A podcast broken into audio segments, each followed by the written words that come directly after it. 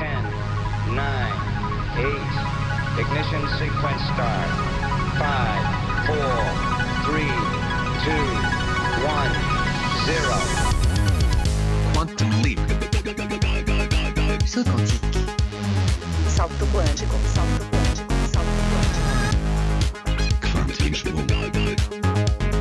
Salto quantico. Salto quantico. Salto quantico. Kvantum, det du inte visste att du ville veta. Markus Rosenlund här igen, hej på er bara och välkomna till programmet. Det var någon på en fest som jag var på nyligen som frågade mig vilken min favorit är bland bitar av onödig kunskap. Nå, man vet ju aldrig när man kan behöva en viss bit av kunskap så det är lite svårt att säga definitivt att någonting är helt onödigt att veta.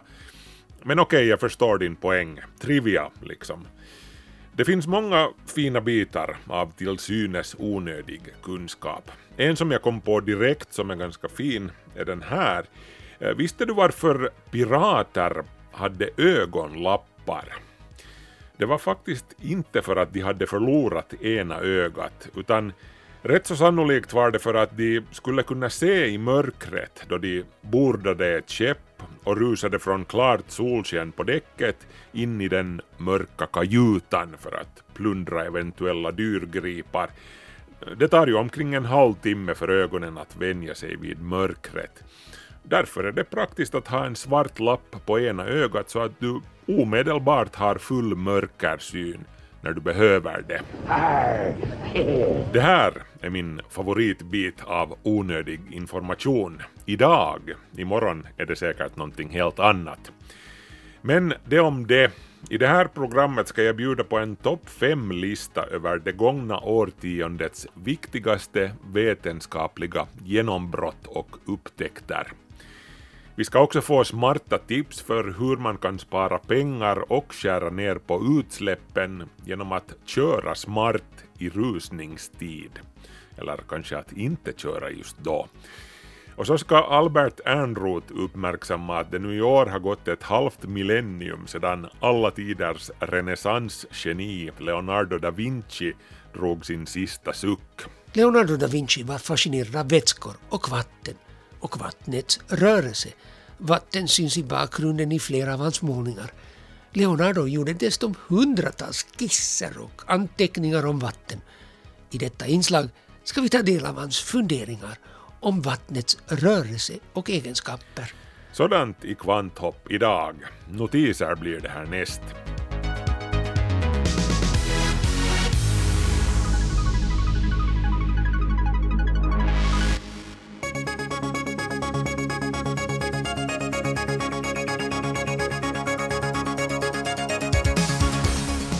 Vraket efter den legendariska oceanångaren Titanic håller på att smulas sönder av metallätande bakterier, skriver forskning.se. Om 25 år kommer det bara att finnas en rostfläck kvar på havsbottnen, tror forskarna. Då Titanic sjönk 1912 fanns det drygt 2200 människor ombord av vilka bara omkring 700 räddades. Och nu hotar också det som återstår av själva den en gång så stolta ångaren försvinna för gott. Det var i augusti tidigare i år som experter och filmare på besök vid vraket lade märke till att metallätande bakterier hade mjukat upp skrovet överraskande mycket sedan det förra besöket 2014. Bakteriernas matsmältningsprocess ger upphov till svavelväte, en mycket reaktiv och frätande gas. Saltet i havsvattnet snabbar sedan på processen ytterligare.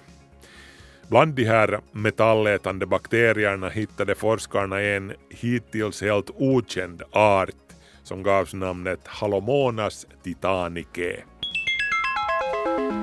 Mängden kol som flyter ut i Östersjön genom Finlands floder har ökat kraftigt under de senaste årtiondena, visar en ny gemensam studie från Helsingfors och Århus universitet.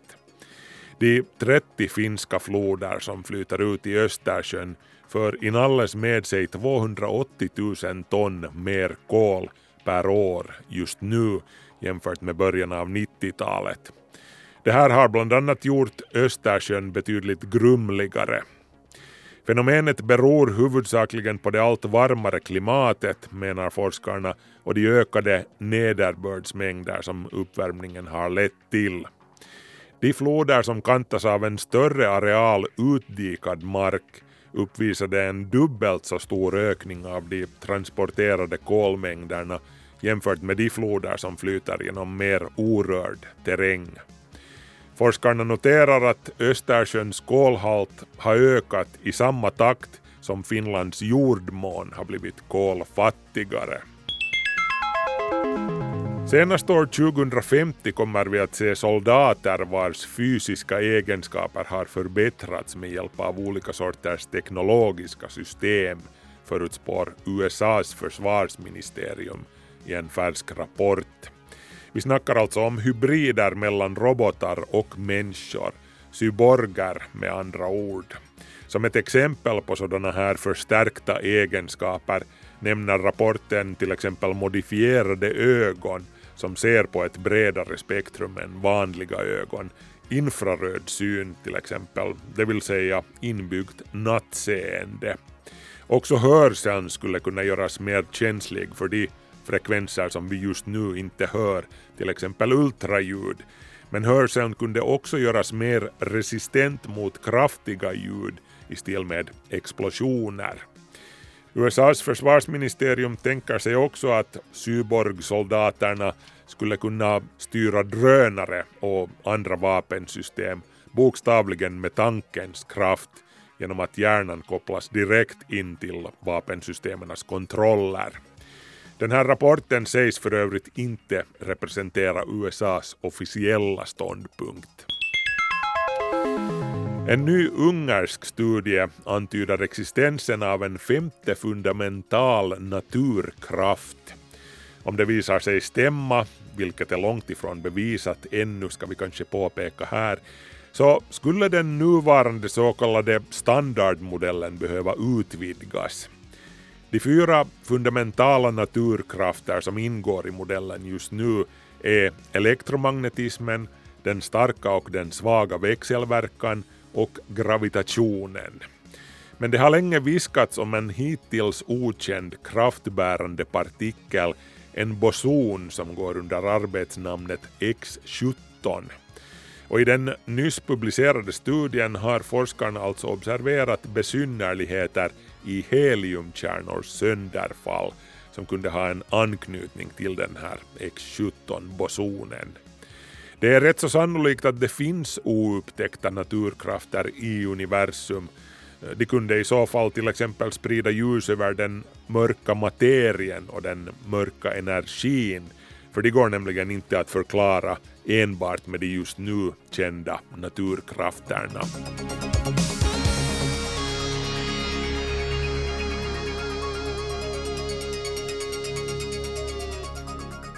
Nu är det bara några veckor kvar av tiotalet. Vi ska om en stund kolla in de fem största vetenskapliga genombrotten under det gångna årtiondet. Efter Paul McCartney med låten Home Tonight. I'm taking you home tonight. I wanna make sure that you're alright. Looks like a go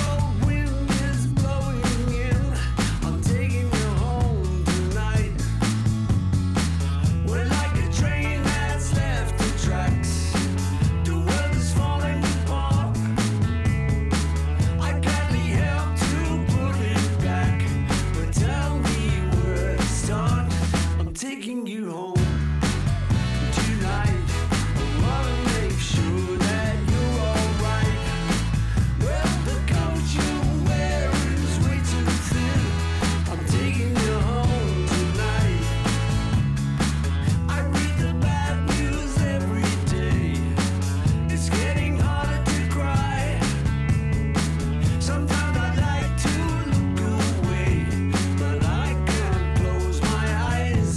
taking you home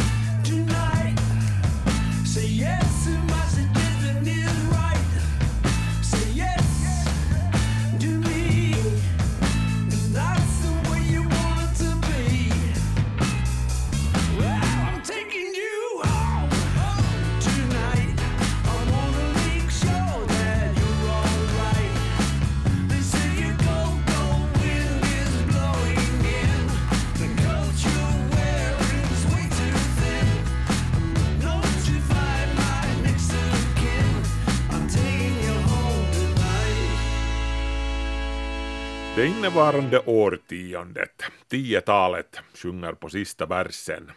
Vilka stora vetenskapliga genombrott och upptäckter har det här decenniet bjudit på? Missa inte Kvanthopps topp 5-lista som följer nu. Plats 5. Återanvändbara bärraketer. Att avfyra en Saturn V, raketen som lyfte Armstrong och grabbarna till månen, kostade omvandlat till dagens dollars cirka 1,25 miljarder per skott. Det här fick NASA att se sig om efter en rymdfarkost som är billigare i drift och framförallt återanvändbar, vilket ledde till rymdfärjan. Men den visade sig vara dyr, tungrodd och komplicerad. Och livsfarlig. Flera astronauter dog ombord på de förolyckade rymdfärjorna Challenger och Columbia än under alla mänsklighetens rymdfärder dittills. Så NASA och de övriga aktörerna har följaktligen kommit till att det är smartare och billigare att sköta det tunga lyftandet med konventionella bärraketer. Och det är det privata raketföretaget SpaceX med den excentriska miljardären Elon Musk i spetsen som leder utvecklingen med sina revolutionerande bärraketer Falcon 9 som debuterade 2013 och tungviktaren Falcon Heavy som följde fem år senare. I Falcon-raketerna är det första stegets raketenheter återanvändbara, vilket har tagit ner priserna på rymdfrakter avsevärt.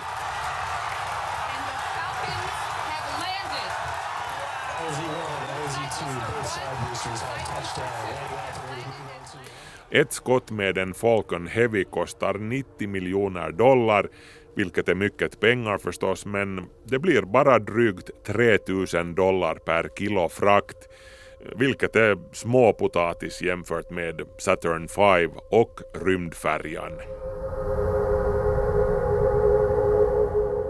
Plats 4. Exoplaneterna kommer på bred front. Det senaste årtiondet har varit en guldålder beträffande upptäckten av planeter i andra solsystem, alltså exoplaneter. Upptäckterna inkluderar flera planeter av samma typ som jorden, Eh, några av dem dessutom med rätt yttemperatur för att vatten ska kunna förekomma i flytande form. Den första exoplaneten upptäcktes visserligen redan 1992 men det var egentligen inte förrän man tog i bruk rymdteleskopet Kepler 2009 som upptäckterna på riktigt började dugga tätt. Den kanske mest spännande planetupptäckten gjordes dock inte med data från planetjägarteleskopet Kepler utan med de jordbundna teleskopen som Europeiska sydobservatoriet basar över i Chile. I slutet av 2016 bekräftades det alltså att det kretsar en planet kring inget mindre än vår närmaste grannkärna Proxima Centauri på ynka 4,2 ljusårs avstånd. Och det är ett stenkast i kosmiska sammanhang. I samma postnummer som vi, kan man säga. Kyseessä on ehdottomasti historiallinen löytö, koska tässä on planeettakertomassa aurinkoa kaikkein lähimpänä sijaitseva tähteä. Det är definitivt en historisk upptäckt, för det kan helt enkelt inte finnas exoplaneter närmare jorden än det här, kommenterar forskaren Mikko Tuomi för Yle Nyheter. Tuomi verkar vid Hertfordshire-universitetet i Storbritannien och är den person som först upptäckte Proxima b.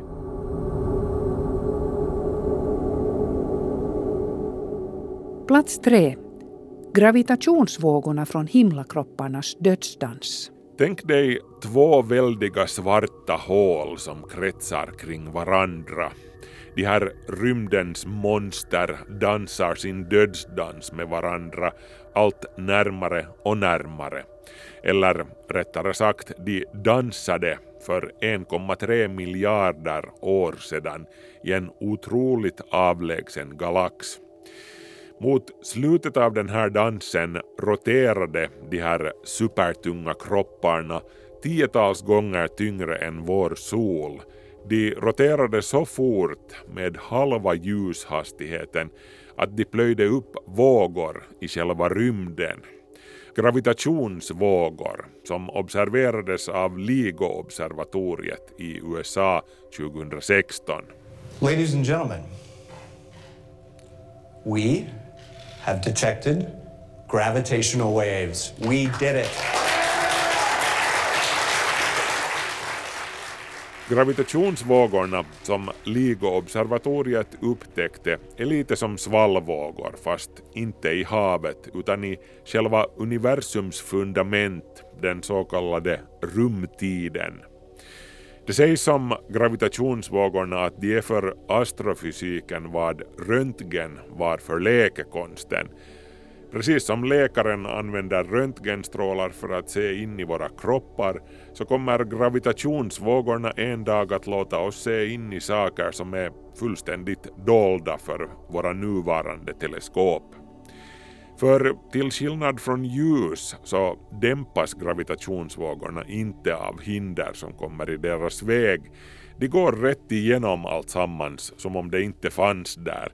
Till och med det kompakta, ogenomskinliga infernot som rådde under ögonblicken efter själva Big Bang. Gravitationsvågorna kanske en dag låter oss se ända tillbaka till själva universums födelse. De kan också låta oss studera de mystiska svarta hålen en vacker dag. Därför är det här utan tvekan ett av det gångna årtiondets viktigaste upptäckter som resulterade i Nobelpriset i fysik 2017 för Kip Thorne, Barry Barish och Rainer Weiss.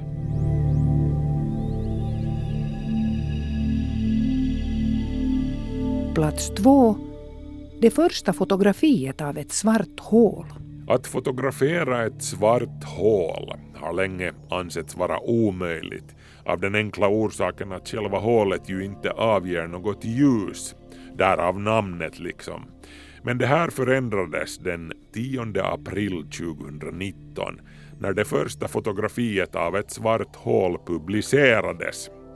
Närmare bestämt av det supermassiva svarta hålet som häckar i hjärtat av den gigantiska elliptiska galaxen Messier 87 eller M87 i stjärnbilden Jungfrun på cirka 55 miljoner ljusårs avstånd. Det är naturligtvis inte själva hålet som syns på bilden utan snarare dess skugga. Den svarta cirkeln kantas av skenet från den plågade, strålande materian som lyser upp när den går in i slutskedet av sin dödsspiral innan den sugs in i hålet. Fotografiet som togs med hjälp av det internationella samarbetet i form av det virtuella planetomfattande radioteleskopet Event Horizon Telescope blev till den slutgiltiga bekräftelsen för att svarta hål verkligen existerar, precis som Albert Einstein förutsade. And we are delighted to be able to report to you today that we have seen what we thought was unseeable. We have seen and taken a picture of a black hole. Here it is.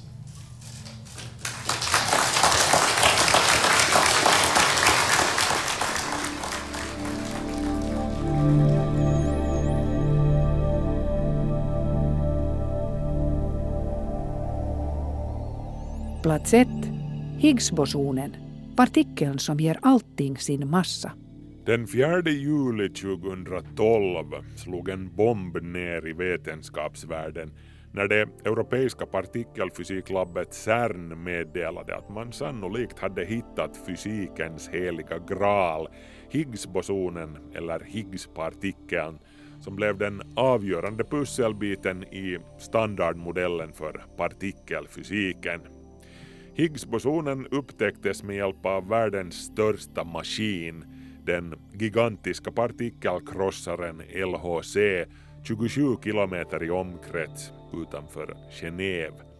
Higgsbosonen ingår i det så kallade Higgsfältet som genomsyrar universum och gör att både Higgsbosonen själv och andra partiklar har massa, inklusive de atomer som våra kroppar består av. De första förutsägelserna om Higgsbosonen och Higgsmekanismen gjordes 1964 av François Anglaire och Peter Higgs. 2013 fick de Nobelpriset i fysik för sina snilleblixtar. Should I say that I'm pleased? Congratulations. I think it's obvious. This is still mine, right? This is yours, yes. As a layman, I would now say, I think we have it. You agree? Higgspartikeln brukar också kallas Gudspartikeln av vissa.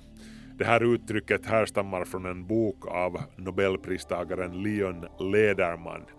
Lederman själv hade först tänkt att referera till partikeln som the goddamn particle, den gudsförbannade partikeln, men hans förläggare fick honom att komma på andra tankar.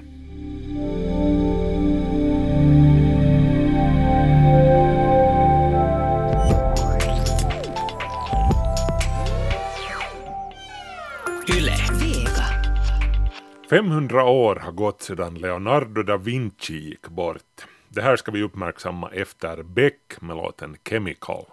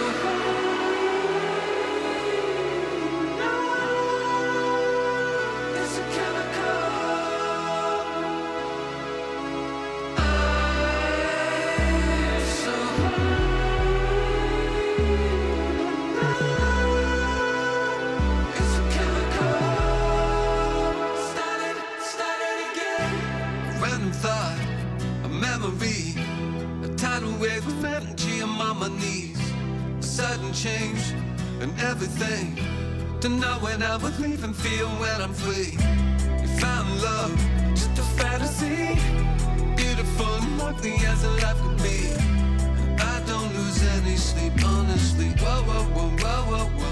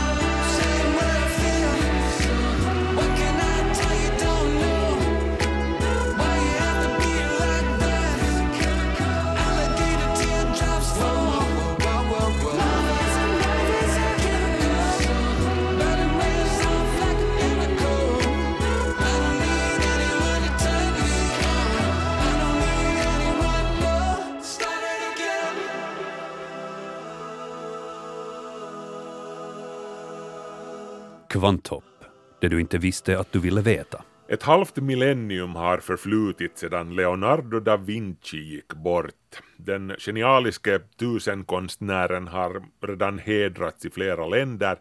I Paris till exempel pågår fortfarande en imponerande utställning med 120 verk och i Edinburgh kan man se 80 av de allra finaste teckningarna ur Royal Collections fantastiska samlingar. Som bekant var Leonardo otroligt mångsidig och ehm, Albert Ernroth har tittat lite närmare på multisnillets fascination för vatten. Leonardo byggde kanaler i Milano, barriärer i Florens och försökte lägga om floden Arnos lopp. Han planerade också att ge ut en skrift om vattnets natur och rörelse. Leonardo is fascinated by water. He's fascinated by its movement. He's fascinated by the impact that it has. Water is not just something you see in Leonardo's work, it seems to have something he thought about in all sorts of ways. And why would he not? Because water is the source of life. Vi hörde Caroline Campbell som er är chef för avdelningen för samlingar och forskning på National Gallery i London. Leonardo da Vinci var fascinerad av vätskor och vatten och vattnets rörelse. Vatten syns i bakgrunden i flera av hans målningar. Leonardo gjorde dessutom hundratals skisser och anteckningar om vatten. I detta inslag ska vi ta del av hans funderingar om vattnets rörelse och egenskaper. Och så ska vi också titta lite närmare på en av Leonardos målningar, Madonnan i grottan, som ägs av Londons National Gallery. Och där kan man nu med hjälp av digitala effekter och ett slags virtual reality-teknik uppleva hur Leonardo komponerade, skissade och målade denna stora altartavla. We're doing something that's very different and hasn't been tried before, which is to use digital and immersive technology to, to show how a great painting was made. En mer nyfiken och mångsidig konstnär än Leonardo känner jag åtminstone inte till. Som bekant var han mycket mer än bara en konstnär, ingenjör, scenograf, befästningsarkitekt, kartritare, uppfinnare. Ja, listan med yrkesområden han engagerade sig i är oändlig. Jag hörde häromdagen ett radioprogram i vilket det påstods att Leonardo mer eller mindre uppfann den moderna handväskan. Dessutom var han en skicklig ryttare, konversatör, spelade luta och hade en vacker sångröst.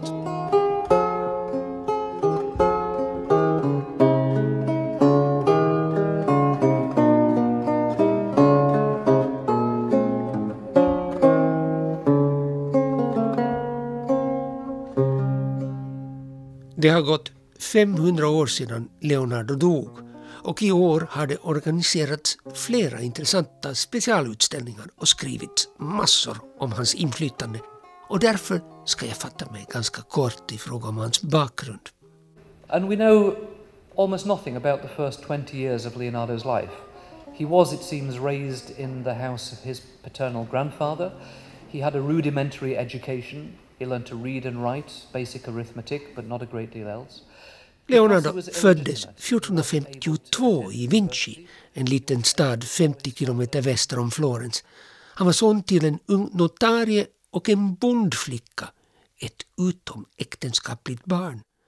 Man tror att farföräldrarna tog hand om honom, men väldigt lite är känt om hans uppväxt. Vi vet att han på 1470-talet var lärling hos den mycket ansedda konstnären Andrea del Verrocchio i Florens. I renässansens vagga, Florens, samlades mot slutet av 1400-talet ovanligt många begåvade konstnärer med fräscha idéer. Boktryckarkonsten hade slagit igenom vilket medförde att papper blev vanligare och mycket billigare. Nu hade konstnärer råd att använda pappersark för att göra snabba skisser på plats utanför ateljén i naturen. Drawing was, if you like, his laboratory. He could use a sheet of paper to think aloud, to work out his ideas, to record his impressions of the world around him. In many cases, to test himself, to test his knowledge, to challenge himself on a sheet of paper. Här hörde vi Martin Clayton föreläsa. Han är chef för Royal Collections teckningar och grafik. Leonardos laboratorium var tecknandet. Man kan se hur han ofta täcker papprets varje yta med skisser, idéer och tankar. Men det finns också hundratals pappersark med mer systematiska anteckningar som han hade tänkt publicera. We have more drawings by Leonardo than any other Renaissance artist. We have more words in manuscript than any other figure in any field of the Renaissance. Because we have such a density of material, we can follow Leonardo's career and the progress of his interests in more detail with more precision than we can with any other figure. Totalt har drygt 7000 blad med Leonardos anteckningar och skisser bevarats. Långt fler än av någon av hans samtida. Den brittiska drottningen äger drygt 550 teckningar och lösa blad utförda av Leonardo. Och bara Ambrosianska biblioteket i Milano äger fler.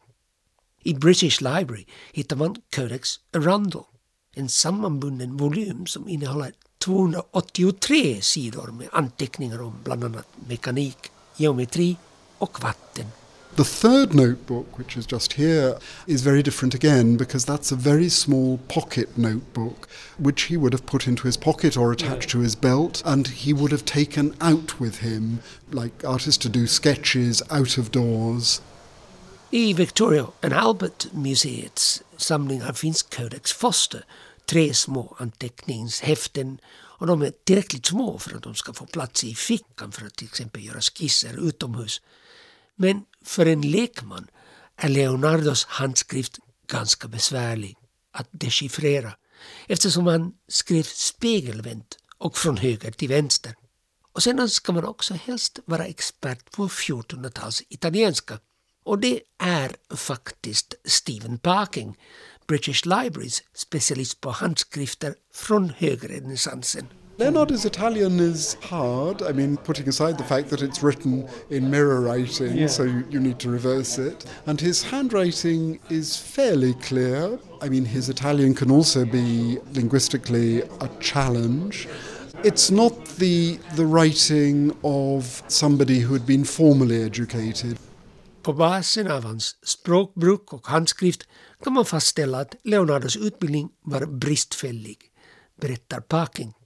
Den allra första teckningen som vi har av Leonardos hand är daterad 1473.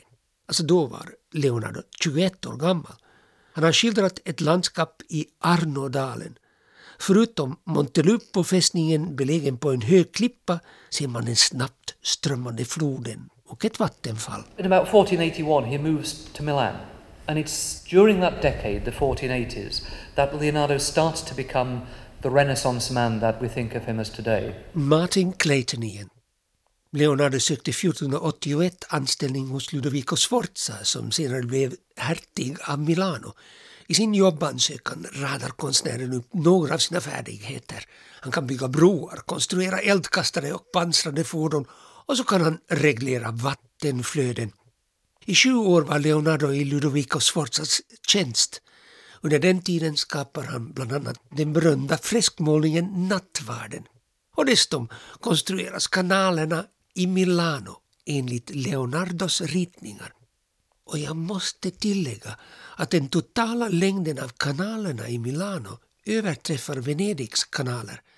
När fransmännen 1499 tågar in i Milano återvänder Leonardo till Florens. In 1499, Ludovico Sforza was overthrown in Milan by another invading French army. Leonardo abandons Milan, he's lost his patron, he travels back to Florence, to the city of his youth. But his heart isn't really in it. He doesn't feel that painting is maybe worthy of his talents. Martin Clayton påstår att Leonardo hade tappat intresset för måleriet när han kom tillbaka till Florens.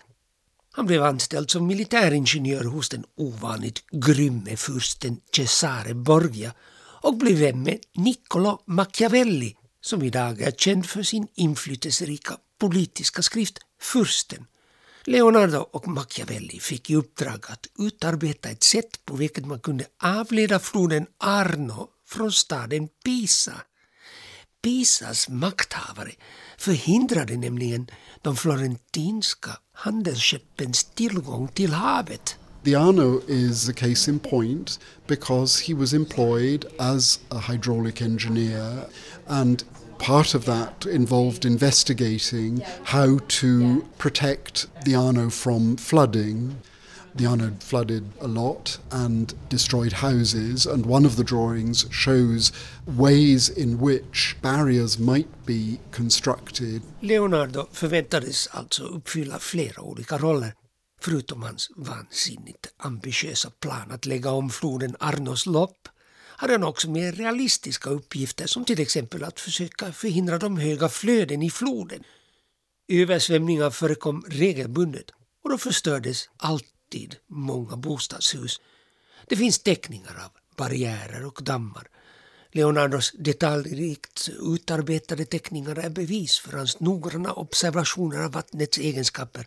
Han genererar till exempel vågor i ett vattenkärl med glasväggar som ger honom en möjlighet att exakt iaktta vattnets rörelse och vågornas lekfullhet. Han är fascinerad av vattnets virvel och spiralrörelser. Han teoretiserar om hur rinnande vatten orsakar erosion. Han studerar vattnets hastighet, destruktiva förmåga och experimenterar med fallande vatten. Leonardo var övertygad om att det fanns vatten på månen som speglade solens ljus. Vatten är enligt Leonardo det viktigaste av de fyra grundelementen och nyckeln till vår förståelse av naturfenomenen. Han drar paralleller mellan människans blodcirkulation och jordens flod och underjordiska vattensystem. Leonardo jämförde också spiralaktiga mönster i människohår med liknande mönster i vatten. Och alla dessa funderingar och teorier om vatten hade han tänkt ge ut i en skrift. Men som så ofta i Leonardos fall förblev projektet ofullbordat. Idag finns de flesta skrifter och teckningar relaterade till vatten samlade i Codex Leicester som ägs av Bill Microsoft Gates. You suddenly start to see a lot of things in the paintings which perhaps you just assumed were the background, but actually reflect his studies of rock formation and of flowing water. Efter att ha sett utställningen på British Library lade jag märke till att vatten även förekommer i ett antal av Leonardos oljemålningar, för det mesta i bakgrunden. Kristi dop av Andrea del Verrocchio målades enligt sägnen delvis av hans elev, Leonardo. En av de vackra änglarna i förgrunden, störst delen av bakgrunden och vattenpölen Kristus står i medan han blir döps uppvisar Leonardos enastående teknik. I Leonardos porträtt av Ginevra de Benci och naturligtvis även i Mona Lisas bakgrund upptäcker man större vattendrag. Vattnet symboliserar väl livets källa. Ett berglandskap med flod, eller är det en sjö, syns också i National Galleries målning Madonnan i grottan. Och den målningen står nu ensam i fokus i museets specialutställning. Leonardo Experience a Masterpiece genom att i detalj visa dolda strukturer under målningens färglager vill man att besökaren ägnar lite mer tid åt mästerverket än de där 40 sekunderna som man brukar tillbringa framför en målning. So here, ours is just on one work, and it's a very in depth exploration of one work, but an exploration that's done mainly by how you react to things you hear and see rather than what you read. It's more about an immersive experience of the work of art. Caroline Campbell igen. Med hjälp av XRF röntgenfluorescens kan man idag kvantifiera och identifiera färgerna som Leonardo använde. National Gallery har kombinerat XRF-analystekniken med de allra senaste bildbehandlingsmetoderna. Med en hyperspektral kamera kan man åstadkomma en högupplöst spektral signatur, ett otroligt brett spektrum. Och det har lett till att man har upptäckt en tidigare okänd skiss, under och övermålningar och förändringar. Med hjälp av all denna teknik får besökaren en ganska bra bild av hur madonnan i grottan uppstod. Trots att det bara är fråga om en, visserligen ganska stor målning, blir det uppenbart att Leonardo da Vinci lade ner otroligt mycket arbete på denna madonnan. Slutresultatet är därefter. Ett riktigt mästerverk behåller sin magi och fortsätter att ge. The great thing about works of art, great works of art, is that they keep on giving. Who would have thought that a painting 500 years old would still be revealing such secrets? So it's fantastic. It shows the timelessness of these paintings, really. Leonardo, Experience a Masterpiece, pågår alltså på National Gallery i London fram till den 20 januari. Det var Albert Ernroth som var reporter i det inslaget. Yle Vega. Vi skulle vara en god bit på vägen med att lösa klimatkrisen om vi kunde komma på ett sätt att fungera som samhälle på ett sätt som gör att alla inte behöver köa i rusningstrafiken samtidigt på morgonen och sen åt andra hållet på eftermiddagen. Vi behöver börja pendla smartare helt enkelt. När vi startar hemifrån och hur vi kör har en stor inverkan på bränsleförbrukningen och därmed också på utsläppen. Plus att vi kan spara en massa pengar om vi gör det på ett smart sätt. Det här är en utmaning inte minst för huvudstadsregionen där en stor del av landets arbetsresor görs. Och apropå det här, datajournalisten Malin Ekholm från Svenska Yle Data tittade in i Kvanthopp-studion för att presentera ett projekt som hon och hennes kollegor har jobbat på den senaste tiden. Det baserar sig på färska siffror från Helsingforsregionens trafik, HRT. No, trafik är ju på något vis ett ämne som är ständigt aktuellt. Det är ju alltid intressant att granska det från olika eh, håll och vart femte år så publicerar HRT en sån här eh, undersökning där man har gått in på djupet i, i hur befolkningen i huvudstadsregionen rör sig och den kom ut här nyligen.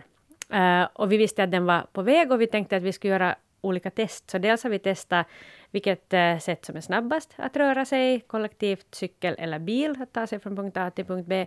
Men vi gjorde också ett test eh, där vi testade hur mycket rusningstrafiken påverkar både tidsanvändning och utsläpp. Ja. Vi skulle kunna lyssna lite på en nyhet som, som du har sammanställt om det här. Vi testade att köra från Malm till Drumsö i Helsingfors med en sex år gammal bensindriven kombibil. Sträckan är 16 kilometer lång och rutten gick genom Helsingfors klockan 7.40 och klockan 9.40. Under resans lopp mätte vi fart, bränsleförbrukning och utsläpp. Skillnaderna var tydliga, inte bara i tid utan också i utsläpp. Vi sparade 8 minuter, alltså 20 procent i restid och 12 procent i utsläpp. Juhani Laurikko är forskare på VTT och han har hjälpt oss att tolka utsläppsdatan. Han beskriver skillnaden som 10 år i bilår. Man kan säga att om du kör med en ny bil i hög trafik, det är nästan samma som du kör med en gammal bil i, i stilig eh, trafik. Trots att vi körde långsammare i rusningstrafiken ökade bränsleförbrukningen. Orsaken är att man måste stanna så ofta, säger Laurikko. Om det finns flera bilar, du kör inte som den första bil, du, du måste stoppa på samma trafikljus många gånger. Och, och det är kanske den som gjorde den största skillnaden. Att köra med liten utsläpp, eh, det är lätt om man, om man eh, undviker att bromsa. Det är den första råd som man kan säga, att, att undvika att bromsa. Med andra ord. En låg hastighet innebär inte låg förbrukning om du gasar och bromsar, gasar och bromsar. För att du behöver energi för att få Ja, ja, igång precis. bilen. Så varendast en gång du bromsar och har du mycket rusning så för varje ljus så kan det hända att du kör lite, bromsar, kör lite, bromsar.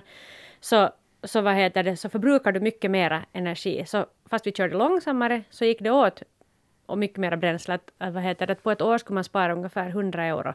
Bara genom att undvika den värsta rusningsstoppen. Mm. Och nu var det ju så att vi testade inte att köra typ en söndag mitt på natten och i värsta rusningen. Utan vi testade att köra klockan 8.30, äh, 7.30 när det är som värst.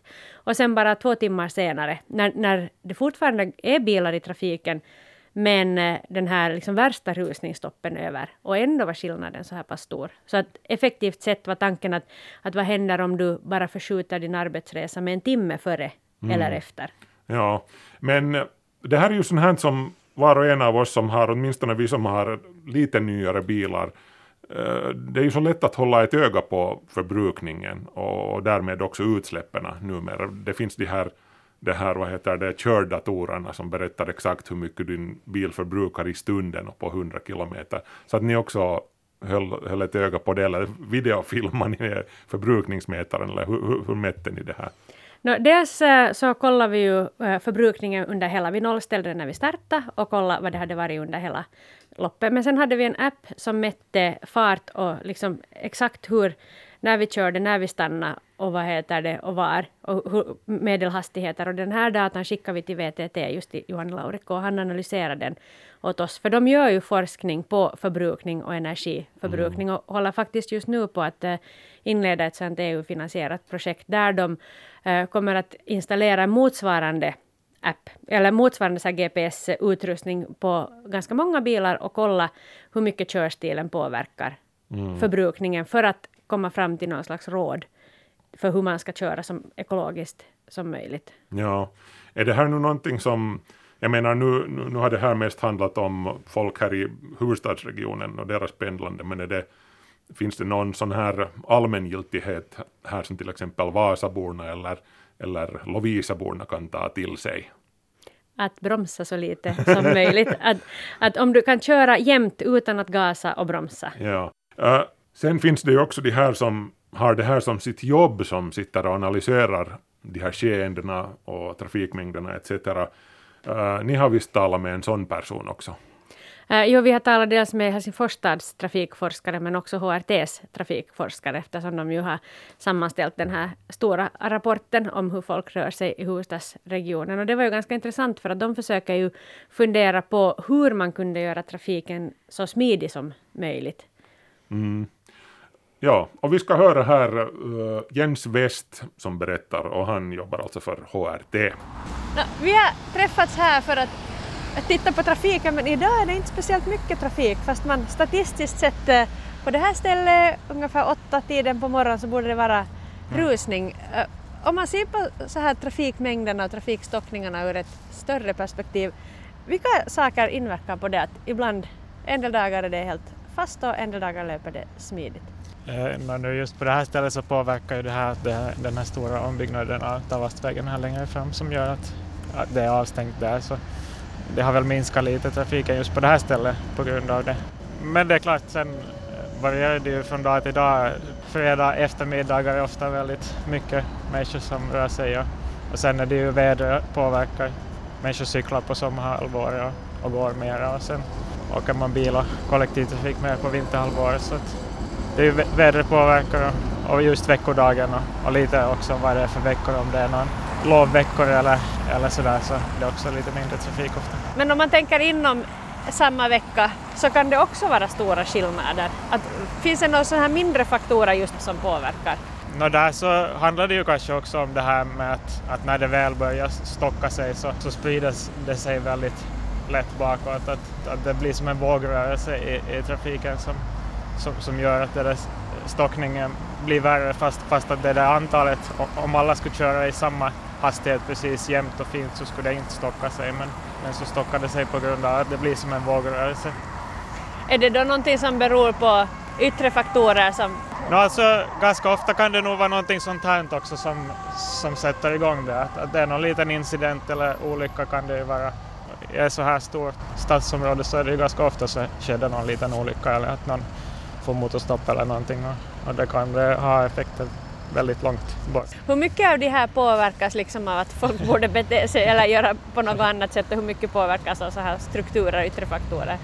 No, jag, har inte, jag har inte på det sättet några siffror på det. Lite skulle det förstås underlätta till exempel om, om alla skulle ha sådana här självkörande fordon men, men inte är det nu kanske någon lösning på trängseln i trafiken på lång sikt. Att sen om det löper på mer smidigt så lockar det ju sen fler att, att köra så då blir det stockning på grund av det att det helt enkelt är för, för många som samtidigt vill ta sig fram. Nu har vi ju stått och tittat på trafiken i ungefär en halvtimme och bara på en kvart var det ganska stor skillnad. Mm. Så kunde man lösa trafikproblemen genom att bara starta tidigare eller flera startar senare eller, eller skulle det bara göra att den här rusningen är längre? No, det är klart att eh, den där piken är väldigt liten och om man skulle få s- s- utspritt på något sätt så skulle det nog underlätta. Att det är ju där just, nu är vi ju lite, nu är klockan lite efter åtta och innan åtta var det väl ännu, var det betydligt värre här. Och den där piken är ännu smalare inom kollektivtrafiken. Att, att där, där har man kanske ännu större problem med det att alla vill resa just med det där samma tåget eller med den där samma bussen. Men Vilken bilist är den värsta när man tänker på att orsaka då trafikstockningar? No, det är väl kanske det enda som, som inte egentligen skulle behöva ta sig fram just nu. För om man tittar på hela dygnets trafik så är det bara 17 procent som är arbetsresor till exempel. Och det förstår man ju att människor måste kanske vara på jobbet en viss tid men, men faktiskt så är det ganska många som rör sig också under rusningstid som inte ska till jobbet eller som inte på det sättet skulle behöva röra sig precis nu. Om man då skulle hitta något sätt att få dem att kanske åka någon annan gång så det är klart att det skulle underlätta då. Vad gör de? Vart är de på väg? Ja, det, det vet inte jag. De kan väl vara på väg att handla eller hälsa på någon bekant eller vad som helst. Jag tycker att ett ganska bra exempel på var man har lyckats göra saker är vår granne Stockholm där, där man ju då har de här trängselavgifterna eh, som ju faktiskt då har visat sig vara ett väldigt effektivt sätt att få att minska på, på det här trängseln och, och trafikstockningarna. Eh, inte, är det inte löper det helt perfekt i Stockholm heller, men att man har fått det faktiskt radikalt förbättrad situation på, på, på det sättet. Nå, vad tror du att eh, om man tänker att man ska införa trängselavgifter i Helsingfors, hur, tror, hur har man gjort beräkningar på vad, vilken inverkan det kunde ha? Ja, det har, det har gjorts beräkningar och, och de visar nu på att trafiken skulle minska, men att i och med att det inte har planerats på någon speciellt detaljerad nivå så det beror helt enkelt på vilket slags system man går in för och hur hög avgift man har, och sådär, hur, hur stora effekter man har. Men, eh, men att det är ett sätt då att få de där som kanske inte skulle behöva åka just under rusningstrafiken att, förstå, att lite påverka deras beteende. Sa det alltså Jens West från Helsingforsregionens trafik HRT. Svenska Yles datajournalist Malin Ekholm hade talat med honom.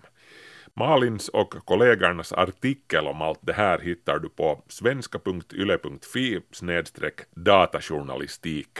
Där finns också en fin video på temat.